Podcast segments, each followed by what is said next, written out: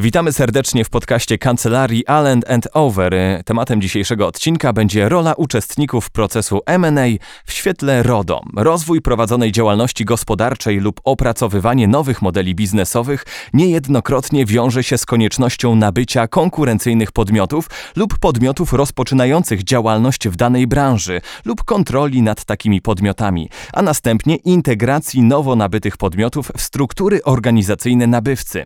Przetwarzanie danych osobowych pracowników w większości przypadków jest nieodłącznym elementem prowadzonej działalności gospodarczej. Jaką rolę w kontekście planowanych transakcji M&A odgrywać będzie kwestia ochrony danych osobowych? Do dyskusji zapraszam mecenas Justynę Ostrowską, starszego prawnika kancelarii Allen Over w Warszawie, doradzającą klientom w obszarze nowych technologii i prawa własności intelektualnej. Dzień dobry pani Justyno. Dzień dobry. Prawie każda transakcja fuzji lub przejęcia wiązać się będzie z przepływem danych osobowych pracowników pomiędzy sprzedającym a kupującym.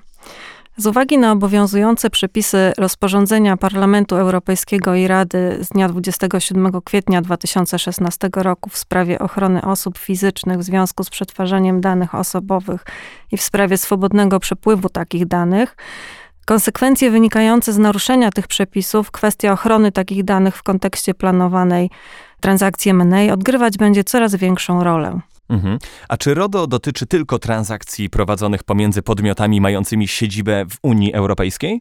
Nie. Implikacje w zakresie ochrony danych osobowych pracowników wynikające z przepisów tego rozporządzenia dotycząć będą nie tylko transakcji prowadzonych pomiędzy podmiotami mającymi siedzibę na terytorium Unii Europejskiej. Przepisy RODO mają zastosowanie do przetwarzania danych osobowych w związku z działalnością prowadzoną przez jednostkę organizacyjną administratora lub podmiotu przetwarzającego w Unii Europejskiej, niezależnie od tego, czy przetwarzanie odbywa się na terytorium Unii. RODO ma jednak również zastosowanie do przetwarzania danych osobowych osób, których dane dotyczą, przebywających w Unii Europejskiej przez administratora lub podmiot przetwarzający, nie mających jednostek organizacyjnych w Unii, jeżeli czynności takie wiążą się z oferowaniem towarów lub usług takim osobom, których dane dotyczą w Unii Europejskiej, niezależnie od tego, czy wymaga się od tych osób zapłaty lub monitorowaniem ich zachowania, o ile do zachowania tego dochodzi na terenie Unii.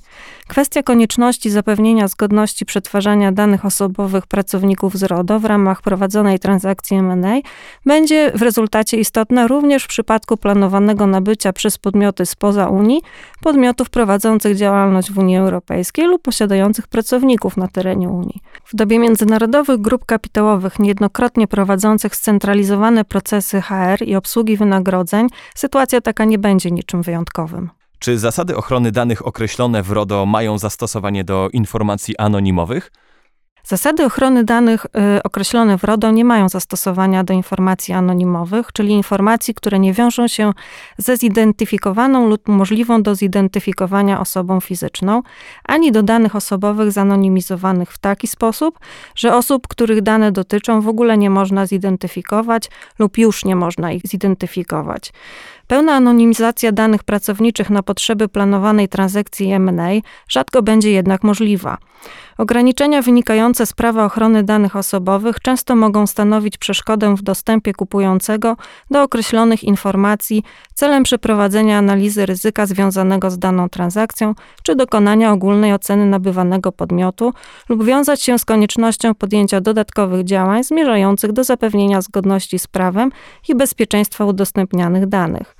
Powinny być w konsekwencji brane pod uwagę na każdym etapie transakcji, począwszy od umieszczenia określonych informacji w tzw. Tak data room na potrzeby prowadzonego badania prawnego i finansowego, zwanego powszechnie due diligence, poprzez negocjacje, a kończąc na integracji nowo nabytych danych pracowniczych z dotychczas posiadanymi przez nabywcę zbiorami danych.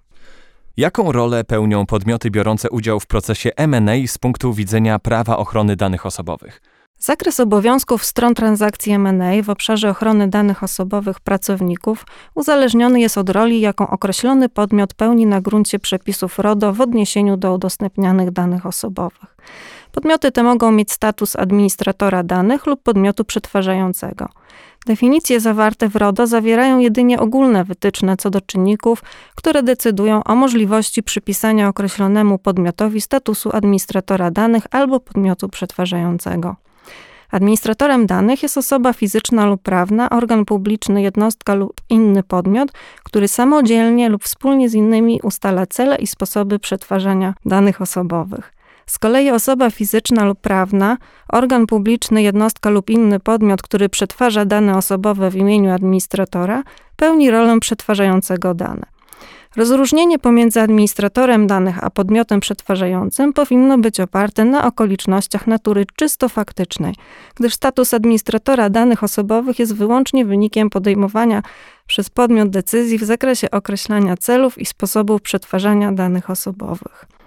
Zgodnie ze stanowiskiem grupy roboczej artykułu 29, aktualnie jest to Europejska Rada Ochrony Danych Osobowych, zawartym w opinii 1 przez 2010 w sprawie pojęć administrator i przetwarzający, Zdolność określania może zostać nadana z mocy prawa, zwykle jednak będzie wynikać z analizy elementów faktycznych lub okoliczności danego przypadku. Należy przyjrzeć się konkretnym operacjom przetwarzania i zrozumieć, kto je określa, odpowiadając na pierwszy etapie na pytanie, dlaczego dane przetwarzanie ma w ogóle miejsce. W ramach transakcji M&A często dochodzić będzie do udostępniania informacji i dokumentów, które zawierać będą dane osobowe pracowników sprzedającego. Kwalifikacja sprzedającego jako administratora tych danych nie powinna sprawiać trudności, gdyż sprzedający jako pracodawca niewątpliwie decyduje o celach i środkach przetwarzania danych jego pracowników. Pytanie zatem, jaką rolę pełnić będzie potencjalny kupujący, któremu takie dane mogą zostać udostępnione w związku z planowaną przez strony transakcją. Wątpliwości mogą w szczególności powstać w kontekście ograniczeń nakładanych w praktyce transakcji M&A przez sprzedającego na potencjalnych kupujących w zakresie wykorzystania udostępnionych informacji i danych. Niejednokrotnie umowy o zachowaniu poufności zawierane przed ujawnieniem informacji w ramach procesu due diligence uniemożliwiają potencjalnym kupującym wykorzystanie informacji pozyskanych w toku badania i negocjacji umowy sprzedaży w dowolnym celu i ograniczają takie wykorzystanie wyłącznie do oceny nabywanej spółki lub składników jej majątku i podobnych działań. Jak również nakładają na kupujących obowiązek zniszczenia lub zwrotu uzyskanych danych w przypadku niedojścia transakcji do skutku.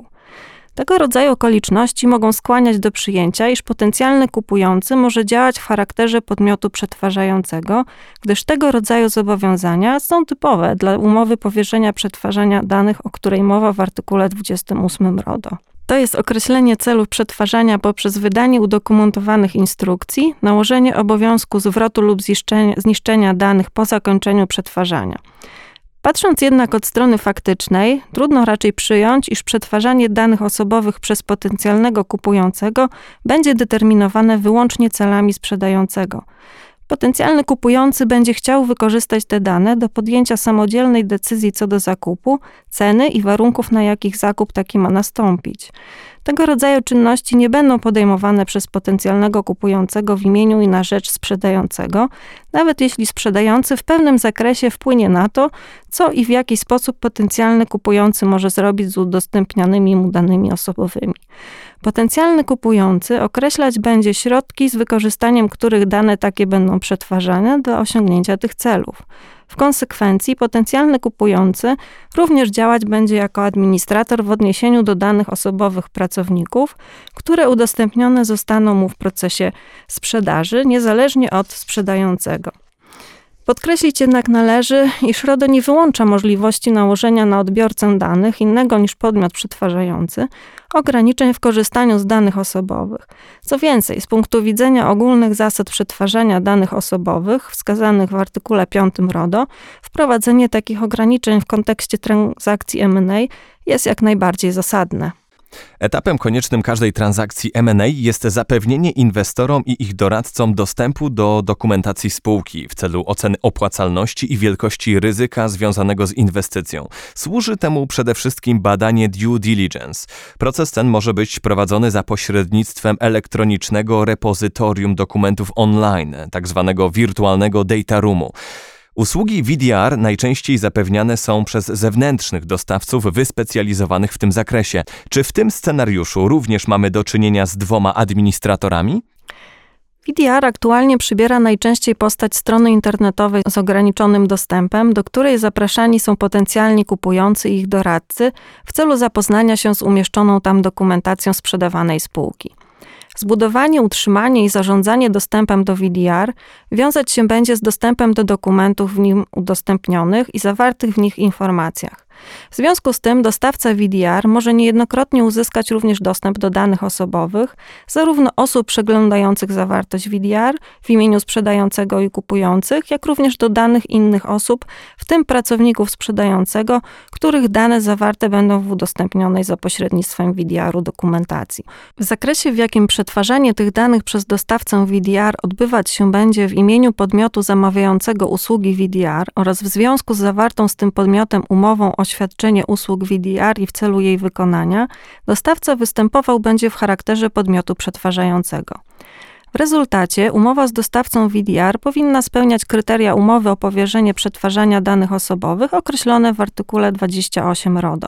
To jest określać przedmiot i czas trwania przetwarzania, charakter i cel przetwarzania, rodzaj danych osobowych oraz kategorie osób, których dane dotyczą, obowiązki i prawa administratora oraz obowiązki przetwarzającego. W tym m.in. obowiązek przetwarzania danych osobowych wyłącznie na udokumentowane polecenie administratora, co do dotyczy też przekazywania danych osobowych poza EOG, zagwarantowania odpowiednich środków technicznych i organizacyjnych służących zapewnieniu bezpieczeństwa danych osobowych, wspomagania administratora w realizacji praw osób, których dane są przetwarzane, czy usunięcia lub zwrotu danych, zależnie od decyzji administratora, po zakończeniu przetwarzania. Ponadto, jeżeli dostawca VDR-u zamierza korzystać z usług innego podmiotu przetwarzającego, umowa powinna nakładać na podmiot przetwarzający obowiązek umownego nałożenia na podmiot dokonujący dalszego przetwarzania takich samych obowiązków ochrony danych, jak w umowie pomiędzy administratorem a dostawcą VDR, w szczególności obowiązek zapewnienia wystarczających gwarancji wdrożenia odpowiednich środków technicznych i organizacyjnych, by przetwarzanie odpowiadało wymogom RODO. Poza obowiązkowymi elementami określonymi w RODO, umowa z dostawcą VDR może oczywiście zawierać dodatkowe postanowienia, jak chociażby dodatkowe oświadczenia przetwarzającego o charakterze gwarancyjnym w zakresie posiadanej niezbędnej wiedzy eksperckiej w dziedzinie ochrony danych osobowych i prywatności, posiadania odpowiednich środków technicznych i organizacyjnych, jak również odpowiedniego wykształconego personelu, pozwalających dostawcy VDR sprostać wymaganiom prawa z zakresu ochrony danych osobowych i prywatności, włączając w to wymagania w zakresie bezpieczeństwa danych osobowych, dodatkowe zobowiązania w zakresie raportowania zgodności przetwarzania z obowiązującym prawem oraz wymogami określonymi w umowie, dodatkowe zobowiązania w zakresie sporządzania kopii zapasowych danych oraz przywracania i odzyskiwania danych w ramach procedury przywracania do stanu normalnego po awariach, czy też uprawnienia w zakresie rozwiązania umowy. Bardzo dziękuję za wyczerpujące wyjaśnienie tego tematu. To była mecenas Justyna Ostrowska, starszy prawnik kancelarii Allen Overy w Warszawie. Bardzo dziękuję pani za dyskusję. Dziękuję również. I zapraszamy do słuchania kolejnych podcastów Allen Overy.